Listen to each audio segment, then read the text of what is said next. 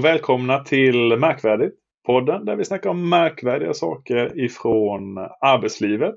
Eh, och ibland har vi också härliga gäster med oss där vi får lyssna på deras resor i karriären. Tiden går fort när man har roligt. Idag ska vi spela in det femte avsnittet faktiskt, vilket är superkul. Idag och spelar in är det jag, Emil. Och jag, Simon.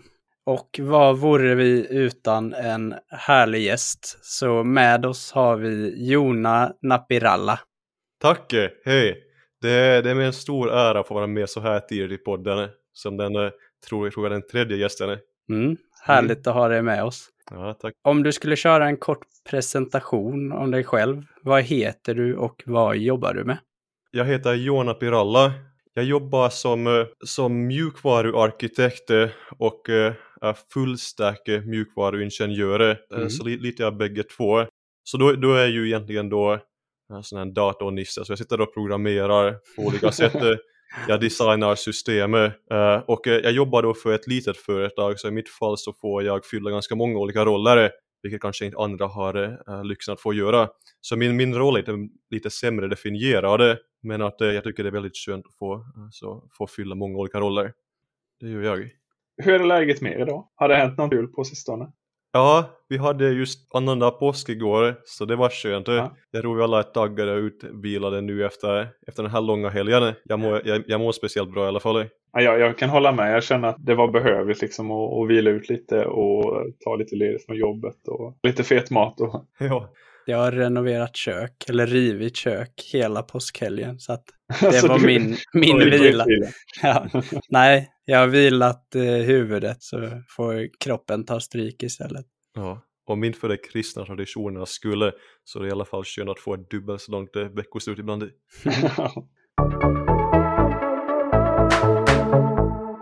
Men eh, Jona, eh, när du var liten, vad ville du bli när du blev stor?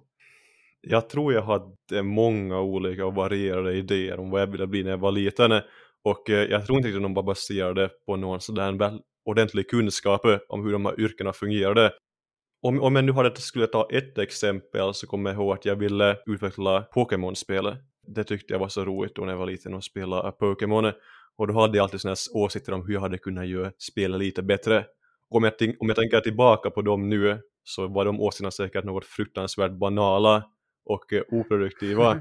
Men i, all, i, i, alla fall åsikter hade jag och då tänkte jag att jag skulle kunna flytta till Japan och, eh, och eh, hjälpa Nintendo utveckla bättre spel. Men det här, det här var kanske när jag var fem år gammal så och då satt jag inte och funderade visst vilken roll nu här i mjukvaruutvecklingsprocessen så vill jag uppfylla för jag hade förstås ingen koll på hur någonting sånt fungerade. Men att det var, det var kanske det kreativa som lockade mig då i det här fallet ja. mest av allt. Speldesign typ? Alltså så här, designer vad, vad liksom de här uppdragen ska vara i spelet och typ hinder kanske, och Kanske någonting närmare det. Ja. Mm. Men det var ändå rätt häftigt att du, att du hade någonting sånt. För jag vet, ja. eh, jag och Simon har ju haft, vad var det första avsnittet, så snackade ju vi om det. Och vi bara, vi, vi vet inte vad vi ville bli. Nej men så här verkligen mm. helt eh, blanka. Ja, nej men jag mm. tror att det, det, här var lika outarbetat som eh, ja, med drömmen om att bli brandman. Jag tror, jag tror att, jag tror att eh, den lilla pojken eller flickan som ville bli det säkert hade en bättre uppfattning om vad en brandman gör än lilla Jona hade om hur ett Pokémon-spel utvecklar sig. Ja. Men det är ändå så här, det är ändå, ja men jag har spelat spel, jag tycker om det och det här vill jag jobba med.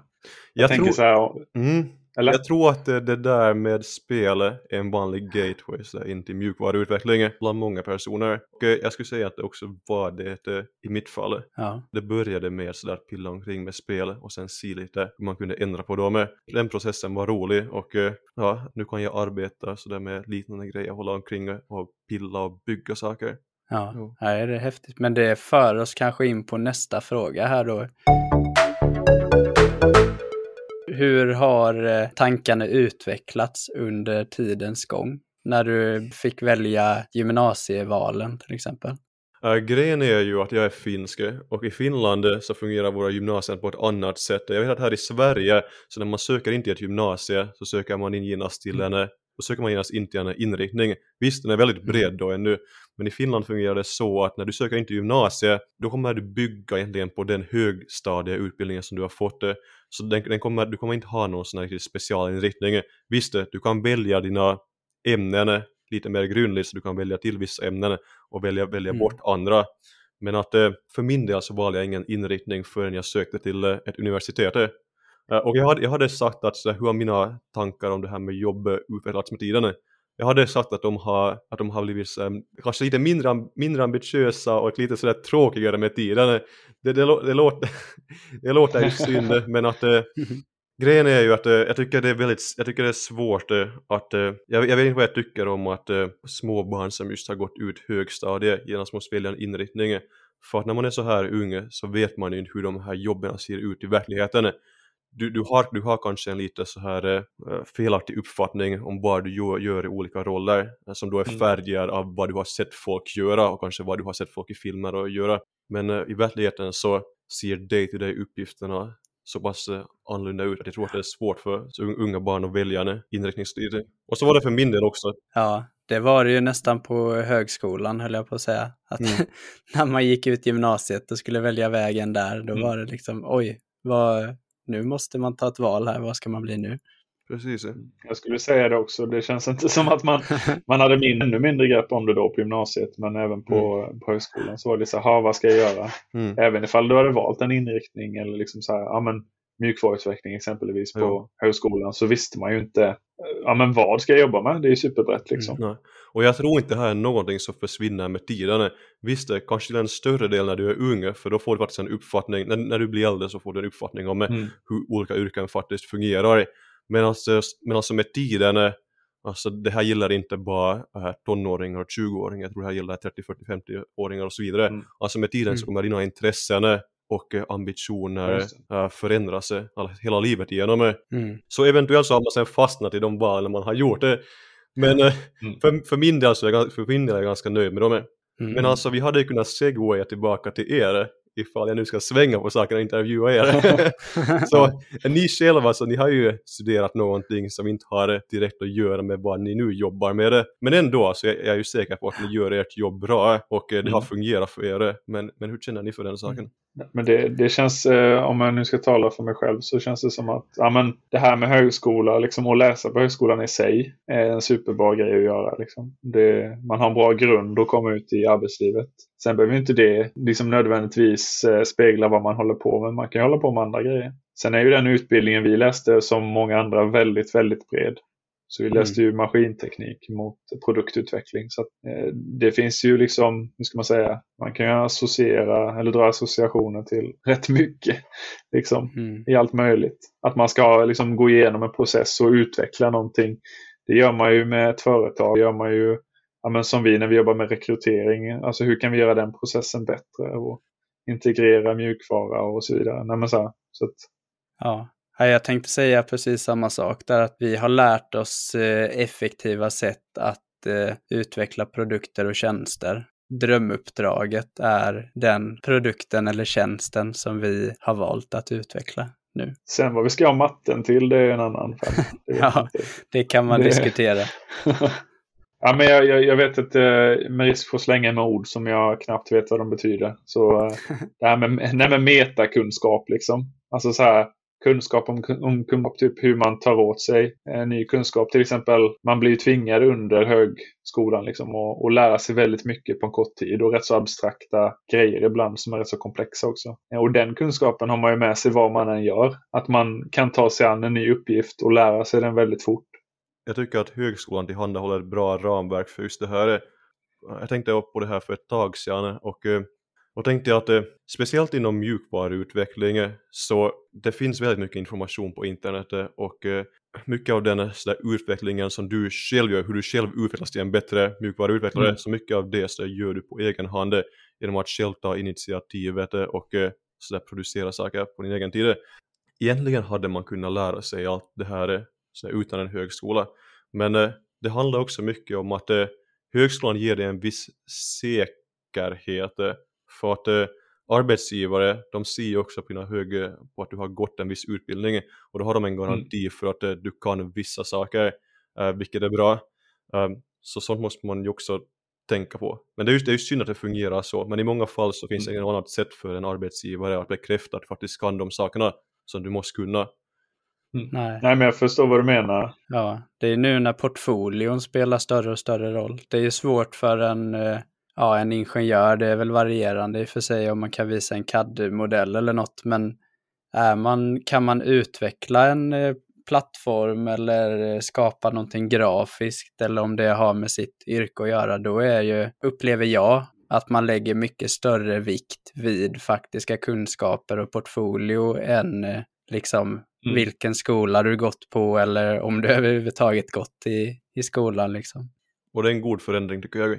Ja. Som jag tror, som jag tror kommer att fortsätta och bli ännu mer prevalent med tiden. Eh, mm. Det är det här fokuset till äh, mot portfolio och uh, iväg från, um, från skolan. Men, men visst, ja. uh, ifall du har sådär en examen så då har du en sån känd auktoritet som ändå kan intyga mm. att, att ja, eleven här i fråga, så han har lärt sig de här processerna som är väsentliga och som behövs. Och så det är lite, lite säkrare ändå.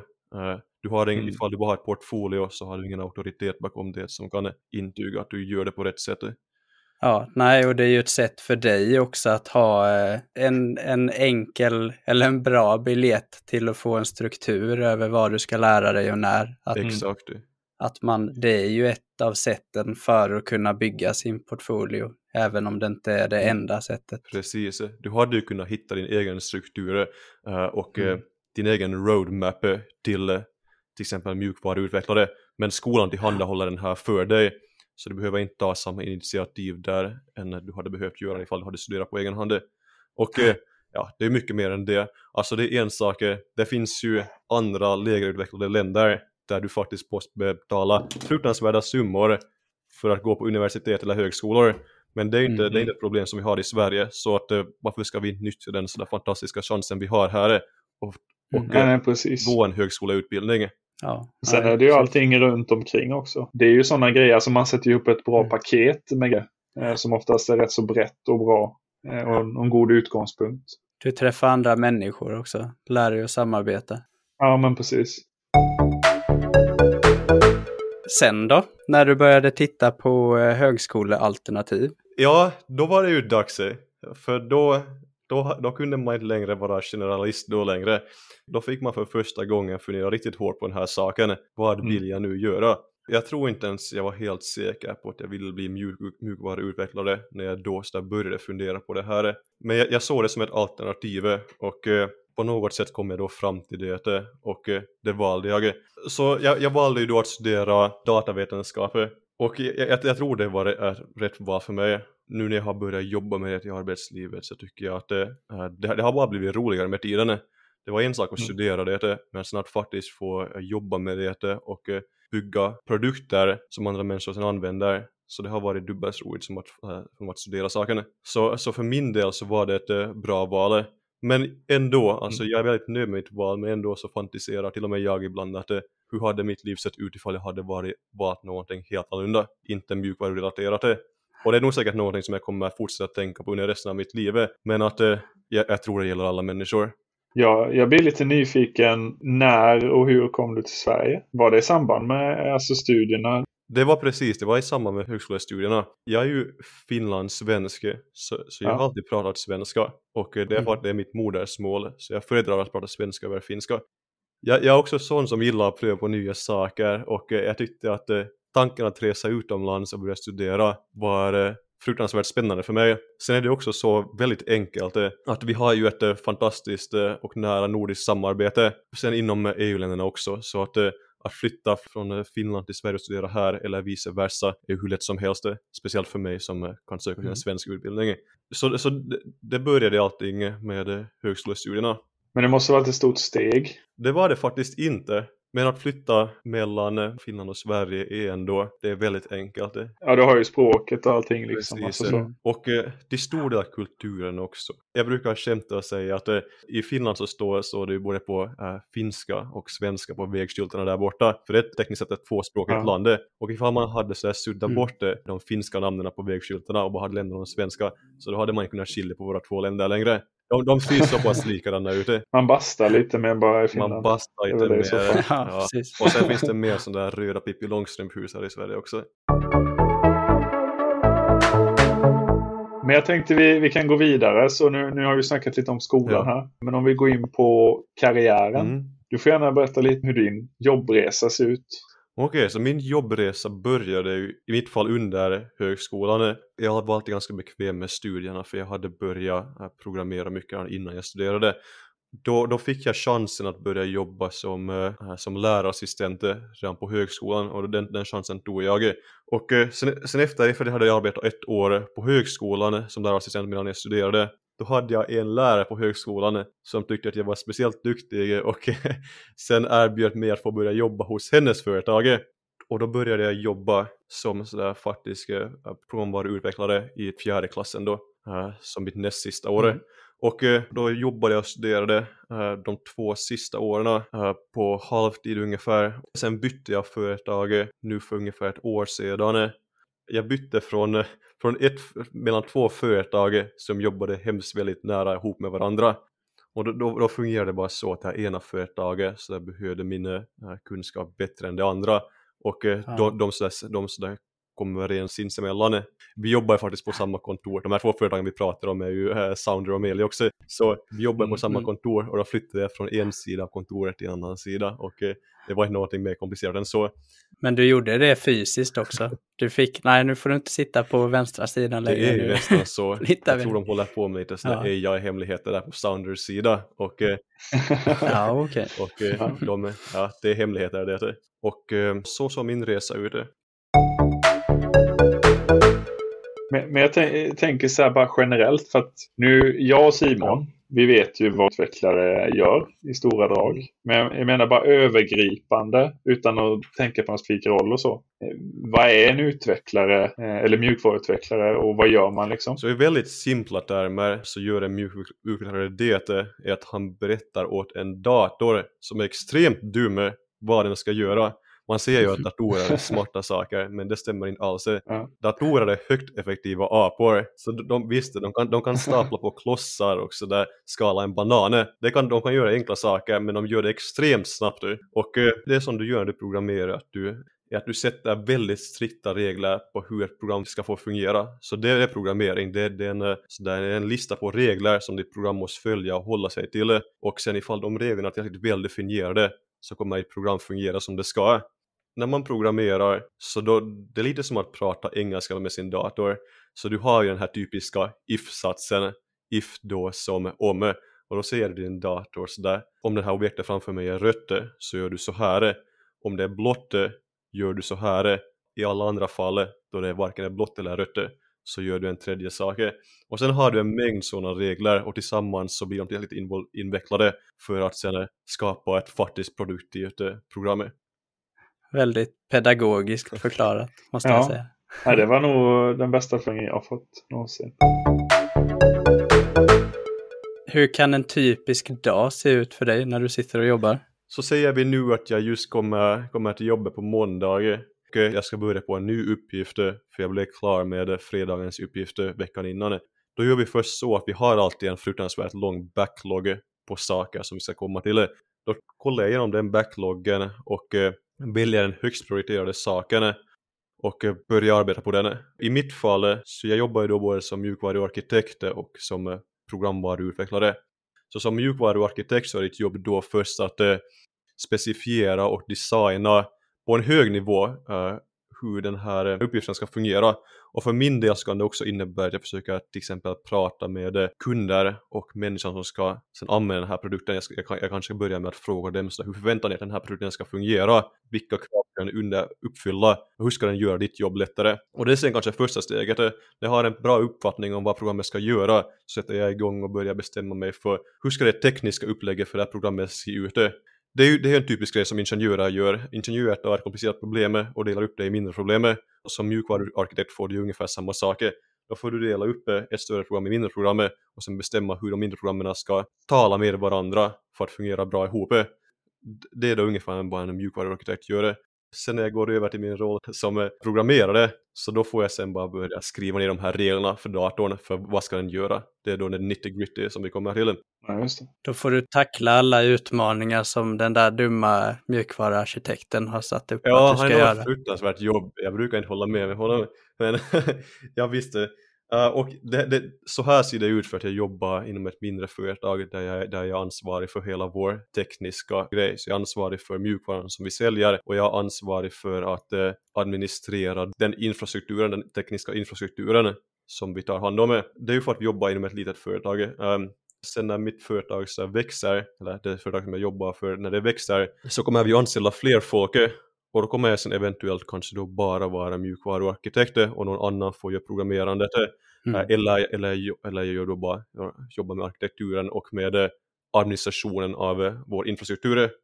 Och så, så är det ju för större företag, så hade jag, hade jag jobbat hos Ericsson nu så hade jag inte fått göra så här många saker. Och det är också det roliga med att jobba, med, med att jobba för små företag eller med att driva startups, att du får lära dig så väldigt mycket och göra så många olika saker. Men, men det är också befriande att förhålla sig till en sak, för då, då kan du se till att du blir expert på den saken. Mm. Och eh, det är också givande att så kunna vara expert på just en viss sak och så där vara lite av en mini-auktoritet om, det, om den frågan. Och det är också trevligt, så det finns för och nackdelar både med att eh, ha ett stort och brett ansvar och ha ett eh, litet och väldefinierat ansvar. Ja, och är det så att du, du, är, du som lyssnar eh, står i valet och kvalet, alltså det är ju ofta så, jag menar om man lyssnar på Jona här till exempel, ja men de stora företagen då får du göra en mindre del och vara en specialist medan i ett mindre företag kan du få större ansvar och få göra mera. Eh, och det beror helt enkelt vad man tycker om, vad man vill mm, göra. Liksom. Precis, det finns inget rätt svar där. Vilka är de största utmaningarna som du ser med ditt jobb? Om vi nu ser specifikt för vad jag gör och vill göra för mitt företag, så då är den största utmaningen i mitt fall att designa produkten på rätt sätt och uh, forma den så den är användbar för mm. våra kunder. Det, det, är det viktigaste, speciellt för oss som är ett mindre företag. Då handlar det inte om att skriva väldigt snygg kod, för att uh, ifall jag hade jobbat hos Ericsson och hade behövt uh, lägga till någonting till en kodbas som kommer att användas om 15 år, då hade det blivit större press på att skriva perfekt kod. Men i mitt fall handlar det mer om att produkten uppfyller kundens krav. Kunden har ofta svårt att själv utveckla på de kraven och eh, definiera dem och då är det min och mina kollegors uppgift att få fram det ur, ur kunden. Det finns en mänsklighet där i mitt arbete. Ja men inte bara prata med en dator liksom. Precis. Om vi backar lite i eh, tiden, när eh, skolan gick mot sitt slut, eh, när du skulle ta examen och när det blir mer aktuellt att börja titta på arbetsgivare. Vad var det då som du tyckte var viktigt i valet av den du söker jobb hos? Nu blir det ju lite speciellt eftersom att du hade väl din arbetsgivare mer eller mindre innan du tog examen. Jag ska ju säga så lite kaxigt att eh, alla jobb har ju fallit mig i famnen så jag har inte fått, eh, jag har inte fått söka någonting. Men att eh, hade jag behövt göra det så hade jag sökt det. Jag anser ju mig själv vara en social person så ändå sådär äh, trevliga kollegor är förstås väldigt viktigt för mig. Men sånt är tyvärr mm. svårt. Mm och bedöma. Alltså du kan inte, du kan inte... Mm. En att se ut, utifrån. Ja, liksom. utifrån alltså, kan så... inte bedöma den saken. Mm. Så det är svårt, jag, jag skulle inte säga att Alltså ett företag presenterar en viss sorts kultur utifrån och sen inifrån mm. kanske den ser helt, helt annorlunda ut. Uh, så, så det, mm. det, är, det, är, svårt att säga. Vissa, vissa kanske, människor kanske tänker att visst, jag hade velat jobba mm. hos Apple för att de uh, för jag gillar deras telefoner och deras Macbooks. Men uh, alltså det kommer garanterat inte återspegla hur företagskulturen ser ut inuti, inuti företaget på något sätt. Det visar hur bra marknadsavdelningen Precis, är. Precis, inte mycket mer. Det spelar ingen roll vad de skriver på en powerpoint eller på en hemsida liksom. Utan det är ju hur anställda upplever vardagen liksom. Och hur man beter sig mot varandra. Och, precis. Och jag, ja, jag, som sagt, det sitter i väggarna. Precis, och jag tror inte mm. en sån sak som du kan uh, få svar på genom en, uh, genom en quick mm. Google search. Men, men sen finns det ju sidor som till exempel Glassdoor och sånt uh, som du kanske kan vända dig till och hitta informationen. Så Glassdoor är en sida som du som anställd anonymt får betygsätta ditt företag. Det är den första sidan som jag hade vänt mig till efter att jag mm. hade läst en jobbintervju då hade jag gått till Glassdoor och sett vad folk uh, hade sagt där. Uh, sen är jag också medveten mm. om att speciellt ifall det finns få uh, betyg och sådär få kommentarer på företaget så, så vet jag också mm. att jag inte kan att eh, de inte kanske kommer återspegla företagskulturen så noggrant. Men eh, speciellt ifall du söker till ett större företag så hade jag kollat på Glassdoor för att få en uppfattning om den interna företagskulturen på jobbet. Det är så nära du kommer till sanningen skulle jag säga. På alla poddar som vi gör så har vi ett segment där vi går igenom roliga annonser, händelser, ja, men grejer från arbetslivet och karriären som vi tycker är lite märkvärdiga. Eh, och så reagerar vi på dem. Eh, och den här podden är förstås inget undantag. Så att, eh, idag så tänkte vi, vi så att jag börjar. Eh, och då har jag de tio roligaste autosvaren. Då är det alltså autosvar på, på mail då. Som man, får, man sätter upp och så får folk det när, eh, Eh, när de mejlar under en viss period. Det är typ när man är ledig eller ja, vad det nu kan vara. Men jag tänkte säga, jag, jag, jag kanske kör tre stycken här och så får vi reagera. Första autosvaret då. Jag är för närvarande inte på kontoret. Jag har förvisso med mig min mobiltelefon, men jag tänker inte lämna ut mitt nummer. Om du ändå lyckas lista ut numret kommer jag dock att svara när du ringer. Vad spännande. så det är så här, det, ja, jag vet inte om det var någon slags uh, lost in translation här. Ring men, mig in men ifall du är beredd och sådär. Du får ringa mig men då får du hitta mitt nummer först. Då måste jag ha lite extra vitt i det. Eh, andra, jag har semester till och med inom parentes datum. Jag tillåter ett mail från varje avsändare. Sänder du fler så kommer jag slumpmässigt att börja radera dina mail tills, bara, tills det bara finns ett kvar. Välj med omsorg. Observera att du redan har skickat ett mail. Jaha. var... Så skickar man ett lite... till så är det 50% chans att det ryker. Mm. eh, nummer tre. Jag kommer inte vara på kontoret något mer idag och har inte tillgång till mejlen. Är det nödsituation? Frågetecken. Var vänlig och larma räddningstjänsten. ja visst, förhållandevis. Vad är en nödsituation? Är en nödsituation ja. att, vår, att vår server har gått ner eller att det brinner på kontoret? Ja, Nej, men det, och det, jag tycker det är på sätt och vis är det ett väldigt hälsosamt sätt att förhålla sig till Absolut. jobbet. För oftast i alla fall är det inte så här jordens ände liksom om man inte gör en uppgift. Sen visst, jobbar man Nej. som läkare eller sjuksköterska eller vad det nu kan vara, då, då är det en helt annan femma. Men ja. Då kanske man ska ringa räddningstjänsten. Ja. Nummer fyra. Jag är ute på anställningsintervju och återkommer till dig om jag inte får jobbet. I brist på bättre, då mm. stannar jag med dig. ja. Nummer fem. Du får det här meddelandet för att jag inte är på kontoret. Hade jag varit det så hade jag förmodligen inte svarat ändå. Nej. Nej. eh, sista autosvaret för eh, den här gången. Tack för ditt mejl. Du har plats 352 i kön och kan räkna med ett svar om cirka 13 veckor. Jösses. Det var en lång semester eller en populär money. ja. Sen är det väl, kommer man tillbaka från semestern och, och det är liksom 400 mejl då, ja, då tar det ett tag att svara. Då han ihop sig med han där som uh, slumpade bort mejlet. Jag eh, kör på en liten annan riktning även eh, denna gången. Eh, jag har ett lite längre inlägg men det är bara att eh, avbryta om ni tycker att något är för, för sjukt för att lämna osagt. Mm. Då har jag ett till inlägg från Ask a Manager eh, som, vi, som jag plockade från i förra avsnittet. Då är det en läsare som skrivit in och ja, det är en stackare som fått sin lunch stulen. Men det är bara början på hans problem. Då skriver personen så här. Vi har en kyl på jobbet. Fram till idag så har ingenting jag haft där blivit stulet, men jag är ganska ny och andra har sagt att det är ett befintligt problem. Min mat är nästan alltid väldigt, väldigt stark. Det är bara så jag älskar det. I alla fall. En dag så satt jag vid mitt skrivbord när min kollega kom springandes och chippade efter andan. Han sprang till badrummet och började kasta upp. Det visade sig att han hade ätit min tydligt namnmarkerade mat, som jag dessutom stoppat i en kylmatlåda. Jag vet inte om det heter så på svenska. Mm. Eh, för att hålla den kall under min långa bilfärd till jobbet. Så snabbspolar vi en dag.